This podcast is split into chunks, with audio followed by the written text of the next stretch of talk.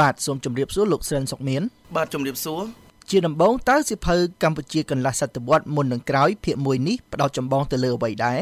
សិភៅកម្ពុជាកន្លះសតវត្សមុននឹងក្រោយភាគ1នេះយើងផ្ដោតសំខាន់ទៅលើដំណើរវិវត្តនៃអាគារបេតិកភណ្ឌអឺមួយចំនួននៅទីក្រុងភ្នំពេញយើងប្រៀបធៀបពីអតីតកាលហើយនឹងបច្ចុប្បន្នកាលរបស់អាគារទាំងនោះហើយសភៅនេះដែរគឺមានកម្រាស់បើគិតទាំងក្របមុខនិងក្រោយគឺមាន120ទំព័រអឺ តែខ្ញុំចង់បញ្ជាក់ត្រង់ចំណងជើងកម្ពុជាកន្លះសតវត្សមុននឹងក្រោយនេះអឺព្រោះអាគារខ្លះគេឆ្ងល់អ្នកខ្លះឆ្ងល់ថាសង់តាំងពីសម័យបារាំងតែហេតុអីបានជាខ្ញុំប្រើពាក្យថាកន្លះសតវត្សមុននឹងក្រោយដោយសារតែទោះបីអាគារហ្នឹងសង់ពីសម័យបារាំងឬមួយក៏មុននឹងក៏ដោយប៉ុន្តែខ្ញុំចង់បញ្ជាក់ថារូបភាពដែលខ្ញុំយកប្រៀបធៀបអតីតកាលនិងបច្ចុប្បន្នកាលរូបភាពភាគច្រើនគឺយើងដកស្រង់ពីសម័យទសវត្សរ៍ឆ្នាំ50ផ្លាយនិង60ផ្លាយអញ្ចឹងហើយទើបយើងដាក់ថាកន្លះសតវត្ស ប៉ុន្តែអាគារភាគច្រើនគឺសម័យបារាំងហើយនិងសម័យសង្គមរាស្ត្រនិយមដែលនៅសេសសល់ដល់សប្តាហ៍ថ្ងៃតើមានកត្តាអ្វីទៅដែលជំរុញចិត្តលោកឲ្យសរសេរសៀវភៅស្ដីពីអាគារបេតិកភណ្ឌនេះបាទ កត្តាដែលជំរុញឲ្យខ្ញុំទៅសេសិភៅកម្ពុជាកន្លះសតវត្សមុននឹងក្រោយនេះមានច្រើនកត្តាដែរទី1តកតងនឹងចំណងចំណូលចិត្តផ្ទាល់ខ្លួនរបស់ខ្ញុំដោយសារខ្ញុំចូលចិត្តខាងស្ថាបត្យកម្មមិនតែស្ថាបត្យកម្មទេខាងសិល្បៈវប្បធម៌អីដែលតកតងនឹងទសវត្សទី60គឺមុនឆ្នាំ1975ហ្នឹងហ្នឹងគឺជាប្រធានបទដែលខ្ញុំចូលចិត្តអញ្ចឹងវាជំរុញឲ្យខ្ញុំស្រាវជ្រាវតកតងប្រធានបទហ្នឹងហើយកត្តាម្យ៉ាងទៀតហ្នឹងគឺដោយសារខ្ញុំធ្លាប់អានសភៅរបស់ជនជាតិបារាំងម្នាក់ចំណងជើងថាភ្នំពេញ Then and Now ដែលគាត់បោះពុំផ្សាយឆ្នាំ1993ហើយខ្ញុំចាប់អារម្មណ៍ថាហ្នឹងវាជាឯកសារសំខាន់ណាស់ដែលឲ្យយើងស្គាល់អំពីអាគារសំខាន់សំខាន់នៅភ្នំពេញយើងកាលពីមុនឆ្នាំ75ហើយនឹងស្ថានភាពរបស់វាកាលពីទសវត្សទី90អញ្ចឹងខ្ញុំចង់បន្តថាអូខេឥឡូវគាត់ធ្វើ1993អញ្ចឹងយើងចង់ប្រៀបធៀបចន្លោះហ្នឹងរហូតមកដល់ឥឡូវ2019ហ្នឹងគឺអាគារទាំងអស់ហ្នឹងប្រែប្រួលយ៉ាងណាខ្លះហើយហើយចំណុចចុងក្រោយហ្នឹងគឺដោយសារតែក្នុងរយៈពេល10ឆ្នាំចុងក្រោយហ្នឹង តាមអ្វីដែលខ្ញុំឃើញចាក់ស្ដែងដោយសារខ្ញុំបានដើរថតរូបអាគារជាច្រើននៅភ្នំពេញយើងយើងឃើញថាក្នុងរយៈពេល10ឆ្នាំចុងក្រោយហ្នឹងមានអាគារចាស់ចាស់ជាច្រើនដែលត្រូវបានវាយចោលខ្លះទៅក៏កែទៅជាអីផ្សេងអីចឹងចឹងខ្ញុំគិតថាបើយើងមិនចងក្រងដាក់ពេលឥឡូវនេះថ្ងៃអនាគតគឺអាគារទាំងអស់ហ្នឹងកាន់តែបាត់បង់អញ្ចឹងវាពិបាកឲ្យយើងចងក្រងនៅពេលក្រោយទើបខ្ញុំសម្រេចចិត្តចងក្រងធ្វើជាសភៅពេលនេះតែម្ដងតើសិភៅកម្ពុជាកន្លះសតវត្សមុននឹងក្រោយមានសារៈសំខាន់ដូចម្ដេចខ្លះទៅដល់អ្នកអាន ខ្ញុំគិតថាសារៈសំខាន់របស់សភៅហ្នឹងដំបូងឡើយគឺឲ្យគាត់កំណត់បានទីតាំងអាគារណាខ្លះនៅពេញជាអាគារអឺបេតិកភណ្ឌអាគារដែលសង់មុនឆ្នាំ1975ព្រោះអាគារខ្លះគាត់ធ្លាប់ជិះកាត់ឃើញអីប៉ុន្តែគាត់អត់ដឹងថាអាគារហ្នឹងជាអាគារពីមុនព្រោះអាគារខ្លះគេកែលម្អឬមកលាបពណ៌អីចឹងទៅវាហាក់បីដូចថ្មីប៉ុន្តែតាមពិតវាជាអាគារចាស់អញ្ចឹងអឺសារៈសំខាន់ចម្បងផុតគឺកំណត់ទីតាំងឲ្យបានថាអាគារហ្នឹងគឺជាអាគារបដិបភ័ណ្ឌ សង់មុនឆ្នាំ1975ហើយអាគារមួយចំនួនទៀតគឺគាត់ស្គាល់ប៉ុន្តែគាត់អត់ដែលឃើញរូបភាពរបស់អាគារហ្នឹងកាលពីមុនទេឧទាហរណ៍ខ្ញុំឧទាហរណ៍ថាអាគារប៊ូដិញមួយចុះអញ្ចឹងគាត់ឃើញប៊ូដិញឥឡូវមានសភាពមុនគេពេលគេវាយចោលគឺមានសភាពចាស់ទ្រុឌទ្រោមប៉ុន្តែបើគាត់បានឃើញសភៅរូបភាពនៅក្នុងសភៅខ្ញុំគាត់នឹងឃើញថាប៊ូដិញការសង់ភ្លាមភ្លាមគឺស្រស់ស្អាតមែនតែនអញ្ចឹងបានឆ្លុះបញ្ចាំងអំពីទស្សនវិជ្ជាសម័យមុននៃអាគារទាំងអស់នោះ ទន្ទឹមនឹងហ្នឹងក៏មានការពណ៌នាអំពីអាគារតាក់ទងឆ្នាំកសាងតាក់ទងនឹងឈ្មោះស្ថាបត្យករតាក់ទងនឹងស្ថានភាពការបំរែបំរួលតួនាទីរបស់អាគារពីសម័យកាលមួយទៅសម័យកាលមួយហេតុអ្វីបានជាលោកចាំបាច់ត្រូវបែងចែកសិភៅនេះជាភាគបាទអឺសំណួរហ្នឹងគឺមានគេសួរខ្ញុំច្រើនប៉ុន្តែខ្ញុំគិតថាអឺ ដែលសម្រាប់ចិត្តថាបែងចែកជាភាគហ្នឹងដោយសារតែមូលហេតុចម្បង3ទី1ខ្ញុំអត់ចង់ឲ្យសភៅហ្នឹងវាក្រាស់ពេកទេដោយសារខ្ញុំចង់ឲ្យអ្នកដែលអានហ្នឹងគឺជាមហាជនសិស្សនិស្សិតទូទៅអ្នកណាក៏អាចអានសភៅហ្នឹងកាលណាយើងធ្វើសភៅក្រាស់ពេកអ្នកដែលគាត់អត់សូវចូលចិត្តអានឬមួយក៏គាត់រៀងក្មេងៗគាត់ឃើញសភៅគាត់ខ្លាចហ្មងដោយសារគាត់ឃើញក្រាស់ពេកគាត់អត់ចង់អានប៉ុន្តែបើយើងធ្វើស្ដើងក្មេងៗក៏គាត់អាចអានដែរហ្នឹងជាការបញ្ជ្រាបចំណេះដឹងទូទៅមួយដល់មនុស្សគ្រប់ស្រទាប់វណ្ណៈគ្រប់វ័យ ហើយទី2ហ្នឹងគឺកាលណាបើសិនជាយើងធ្វើឲ្យវាក្រាស់ពេកมันបែងចែកជាភាគធ្វើឲ្យតម្លៃនៃការបោះពុំហ្នឹងក៏ថ្លៃខ្លាំងដែលធ្វើឲ្យយើងមិនមានលទ្ធភាពគ្រប់គ្រាន់ទេអញ្ចឹងបើយើងធ្វើរៀងស្ដើងគឺវា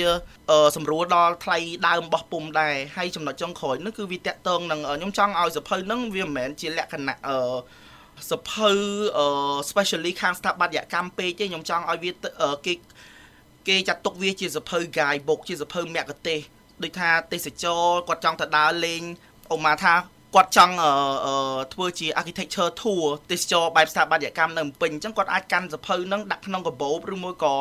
អឺកប៉ៅអីទៅព្រោះវាមានទំហំទូចវាត្រឹម A5 អញ្ចឹងយើងអាចប្រើវាជាជា guidebook វាងាយស្រួលដាក់តាមខ្លួនសម្រាប់ការធ្វើដំណើរកំសាន្តអីវាវាស្រួលសម្រាប់អឺមនុស្សទូទៅ តើលោកបានចំណាយពេលប្រមាណដែរក្នុងការចងក្រងសិភៅនេះហើយលោកបានប្រឈមនឹងបញ្ហាអ្វីខ្លះដែរអំឡុងពេលចងក្រងសិភៅឯកសារមួយនេះបាទអឺបើនិយាយពីការអឺស្រាវជ្រាវចងក្រងហ្នឹងគឺអឺវាវាយូរហើយចាប់ដើមគឺតាំងពីជំនាន់ដែលខ្ញុំអឺមានកុំព្យូទ័រប្រើពេលហ្នឹងខ្ញុំរៀនទី12ប្រហែលជាខ្ទង់ឆ្នាំចន្លោះ2010 2011អីហ្នឹងអាហ្នឹងពេលហ្នឹងយើងមានកុំព្យូទ័រយើងចាប់ផ្ដើមចេះស្រាវជ្រាវតាមអ៊ីនធឺណិតអញ្ចឹងយើងចេះតែចងក្រងអា ប្រមូលទុកឯកសារណាដែលយើងឃើញនៅតាម website សំខាន់ៗតាក់ទងនឹងប្រធានបទដែលយើងចង់ស្រាវជ្រាវហ្នឹងគឺយើងប្រមូលទុកប៉ុន្តែយើងអត់ទាន់មានកំណត់ថាយើងនឹងនឹងបោះពុំសភៅឯគ្រាន់តែប្រមូលទុកសិនហើយបន្ទាប់មកទៀតដំណាក់កាលទី2នៅក្នុងអំឡុងឆ្នាំ2010 2ដល់2016ខ្ញុំចាប់ផ្ដើមដើរថតរូបពេលតនេពីការសិក្សាគឺខ្ញុំដើរថតរូបអាគារចាស់ចាស់នៅភ្នំពេញយើង ដល់ឆ្នាំ2016ប្រហែលជាពាក់កណ្ដាលឆ្នាំគឺខ្ញុំចាប់ដើមចងក្រងជាសភៅតែម្ដងដោយសារក្នុងអំឡុងពេលហ្នឹងខ្ញុំឃើញអាគារភិកច្រើនដែលខ្ញុំធ្លាប់ដើរស្រាវជ្រាវពីមុនមកគេវាយចោលបដាបដាដល់អញ្ចឹងទៅខ្ញុំខ្លាចថាបើវាអស់ទៅដល់ពេលដែលយើងបង្ហាញគេអា then and now photo ហ្នឹងរូបភាពភាពទៀតហ្នឹងយើងថតតាដីទៅទេមកឬមួយក៏អាគារថ្មីអីវាមើលទៅវាអត់គួរឲ្យតាក់ទាញសម្រាប់អ្នកអានទេតោះតែគាត់ឃើញអាគារហ្នឹងពីមុនណាឥឡូវអញ្ចឹងហើយខ្ញុំសុកចិត្តសោតធ្វើមិនឲ្យហើយក្នុង2016ហ្នឹងយើងគ្រោងថាចេញតែដោយសារតែបញ្ហាថវិកាយើងអូសបន្លាយរហូតដល់ចុង2019បានយើងបានតាក់ទងខាងរោងពុំបោះពុំហើយចំពោះបញ្ហាប្រឈមហ្នឹងមានច្រើនមែនតែនវាតាក់ទងនឹងបញ្ហាថវិកាមួយអាហ្នឹងសំខាន់ជាងគេសម្រាប់ខ្ញុំហើយទី2តាក់ទងនឹងការចុះទៅថតរូប តាក់ទងនឹងការបកប្រែឯកសារភាសាបរទេសជាពិសេសយើងដឹងហើយថាឯកសារអឺចាស់ចាស់តាក់ទងនឹងប្រទេសកម្ពុជាយើងភាគច្រើនឯកសារអឺជាភាសាបារាំងទោះបីយើងរួចពីនឹមអាណានិគមបារាំងក៏ដោយក៏ក្នុងសម័យសង្គមរាស្ត្រនិយមភាសាបារាំងហ្នឹងឯកសារភាសាបារាំងនៅតែពេញនិយមអញ្ចឹងខ្ញុំអត់ចេះបារាំងដល់អញ្ចឹងទៅវាជាបញ្ហាមួយខ្ញុំត្រូវការរកអ្នកបកប្រែជួយបកប្រែឲ្យផ្ទៀងផ្ទាត់ចំណាយពេលយូរ ហើយមួយទៀតគឺតកតងនឹងបញ្ហាអឺរូបដែរអាគិតកតងនឹងរូបអាគារខ្លះអឺ យើងមានប្រវត្តិគ្រប់គ្រាន់ក្បោះក្បាយប៉ុន្តែយើងអត់មានរូបឬមួយក៏ខ្លះយើងរកបានរូបប៉ុន្តែរូបហ្នឹងវាតាក់ទងកម្មសិទ្ធិបញ្ញាអឺ website របស់ជនបរទេសអីយើងអត់ចង់ប្រើអញ្ចឹងមានន័យថាបញ្ហារូបនេះគឺយើងសម្រាប់ចម្រាំងហើសមែនតែនពេលខ្លះយើងយើងមានណារូបច្រើនណាប៉ុន្តែយើងខ្វល់ខ្វាយអំពីបញ្ហាកម្មសិទ្ធិបញ្ញាថារូបហ្នឹងគួរប្រើមិនគួរប្រើអញ្ចឹងយើងត្រូវគិតចំណាយពេលហៅរូបឲ្យបានច្រើនហើយយើងរើសថារូបមួយណាដែលយើងគួរប្រើ ខាងក្រោយហ្នឹងគឺតាក់ទងនឹងការស្រាវជ្រាវឯកសារដែរដោយសារតែខ្ញុំមានការងារធ្វើហើយការមុនហ្នឹងក៏យើងជាប់មុនមានការងារធ្វើក៏យើងជាប់ព្រៀនដែរអញ្ចឹងពេលតិចមែនតែនសម្រាប់ការស្រាវជ្រាវហើយយើងវាអត់មានក្រុមទៀតអញ្ចឹងម្នាក់ឯងអញ្ចឹងការស្រាវជ្រាវវាអូសបន្លាយច្រើនឆ្នាំមែនតែនតម្រាំតែអាចចងក្រងបានជាមួយសភៅហ្នឹងតើផែនការបន្តរបស់លោកនាពេលអនាគតគឺអ្វីដែរ ផែនការបន្ទាប់សម្រាប់ខ្ញុំផ្ទាល់នៅពេលអនាគតគឺយើងចង់បន្តបោះពុំសភៅដោយសារឃើញថាមានការគ្រប់គ្រងហើយចេះតែមានឥឡូវយើងយើងធ្វើភាគ1ប៉ុន្តែមានអ្នកអានមួយចំនួនហើយដែលគាត់សួររភាគ2ហើយក៏សួរថាពេលណាបានចេញខ្ញុំចង់ចេញឆ្នាំក្រោយប៉ុន្តែវា វាស៊ីសងទៅលើកញ្ចប់ថវិកាដែលយើងមានជាក់ស្ដែងព្រោះសភៅភាគ1នេះគឺមានខាងគេឧបត្ថម្ភមកខ្លះដែរហើយយើងបូកផ្សំជាមួយនឹងថវិកាផ្ទាល់ខ្លួនអីបានបានបោះចេញអញ្ចឹងយើងចាំមើលថាភាគ2ហ្នឹងមានការគ្រប់គ្រងមានការឧបត្ថម្ភបន្ថែមទៀតហើយបើសិនជាអត់មានទេយើងគួរធ្វើរវិធីណាដើម្បីបានលុយសម្រាប់បោះពុំផ្សាយហ្នឹងប៉ុន្តែខ្ញុំគិតថាក្នុងចន្លោះពេលដែលខ្ញុំចេញភាគ1ហើយនឹងខ្ញុំបញ្ចប់ការទៅសេភាគ2ហ្នឹងក្នុងចន្លោះហ្នឹងគឺខ្ញុំនឹងបោះពុំសភៅមួយ ប្រហែលជា100ទំព័រដែរតាក់ទងនឹងពីប្រវត្តិរោងកុននៅទីក្រុងភ្នំពេញទាំងជាង30កាលពីមុនឆ្នាំ1975សភៅហ្នឹងខ្ញុំបានតែសេអីហើយអស់ហើយនៅតែដាក់រូបហើយយើង design សភៅតែប៉ុណ្្នឹងឯងអញ្ចឹងយើងនឹងបោះពុំអាហ្នឹងចន្លោះភាគ1និងភាគ2ជាចុងក្រោយតើលោកមានអ្វីចង់បន្ថែមទេបាទជាចុងក្រោយខ្ញុំអត់មានអីច្រើនទេសម្រាប់ សារដល់មហាជនគ្រាន់តែថាខ្ញុំសង្កេតឃើញថាបច្ចុប្បន្នមានកំណើនយុវវ័យសិស្សនិស្សិតដែលគាត់ចាប់អារម្មណ៍ទៅលើ ការស្រាវជ្រាវពីអតីតកាលនឹងតាក់ទងនឹងនគររូបនីយកម្មតាក់ទងស្ថាបត្យកម្មព្រួយនៅពេលដែលឃើញប្រហោះភេកផ្សេងផ្សេងមិនថា page Amazing Cambodia របស់ខ្ញុំឬមកក៏ page ណាផ្សេងផ្សេងទេនៅពេលដែលឃើញប្រហោះទស្សនវិជ្ជាទីក្រុងភ្នំពេញឬមួយក៏ គាស្ថាបត្យកម្មកាលពីជំនាន់មុនឃើញថាគាត់ចូល like ចូល share អីហើយ comment ដូចថាចង់ឲ្យវិលទៅរកសម័យកាលនោះវិញអីអញ្ចឹងហ្នឹងបង្ហាញអំពីការគ្រប់គ្រងហើយនឹងឲ្យតម្លៃទៅលើសំណង់បេតិកភណ្ឌកាន់តែច្រើនបើធៀបនឹងរយៈពេលជាង10ឆ្នាំមុនគឺឃើញថាសន្ទុះកើនឡើងប៉ុន្តែអ្វីដែលខ្ញុំក៏សម្គាល់ដែរត្រង់ថាពេលខ្លះដោយសារតែប្រហែលជាគាត់អត់មានចំណេះដឹងទូទៅទលំទលាយខាងផ្នែកហ្នឹងពេលខ្លះគាត់ ឆាប់ជឿនៅអ្វីដែលគាត់ឃើញគេប្រហោះអីអញ្ចឹងអញ្ចឹងមុននឹងជឿគ្រាន់តែថាចង់ឲ្យស្រាវជ្រាវផ្ទៀងផ្ទាត់ឯកសារផ្សេងផ្សេងមុននឹងយកទៅប្រហោះតអីអញ្ចឹងដើម្បីជៀសវាងព្រោះយើងដឹងហើយអា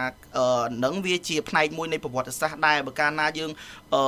ផ្សាយអ្វីដែលខុសទៅ គឺមានអ្នកមើលអ្នកឃើញច្រើនអញ្ចឹងវាគិតតែខុសតតក្អែកមួយទៅជាក្អែក10 ដូចខ្ញុំអាសាឃើញគេប្រហោះរបៀបថាវត្តបុរាណអីព្រះវិហារបុរាណអាយុដល់ពាន់ឆ្នាំឬមួយក៏ផ្ទះបុរាណអាយុរាប់រយឆ្នាំទាំងដែលការពិតទៅវាទៅមកសង់សម្បត្តិស៊ីសវត្តឬមួយក៏ប្របាទស៊ីសវត្តមនីវងអីទេអញ្ចឹង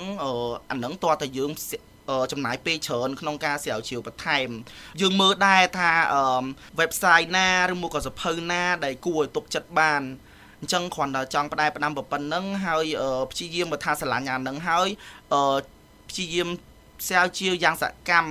កុំចាំបាច់តែតើតើគេប្រហោះអីបានយើងអឺចាំតែមើលពេលខ្លះយើងត្រូវ take action យើងត្រូវធ្វើសកម្មភាពរួមគ្នាក្នុងនាមជាយុវជនចំនួនក្រោយដើម្បីអភិរក្សក៏ដូចជាផ្សព្វផ្សាយលើកស្ទួយតម្លៃរបស់អគារបេតិកភណ្ឌនឹងឲ្យវាគង់វង្សជាយូរវែងបាទសូមអរគុណលោកច្រើនចំពោះការផ្ដល់បទសម្ភាសន៍ជាមួយ VOA បាទសូមអរគុណច្រើនជូនពរសុខភាពល្អសំណាងល្អ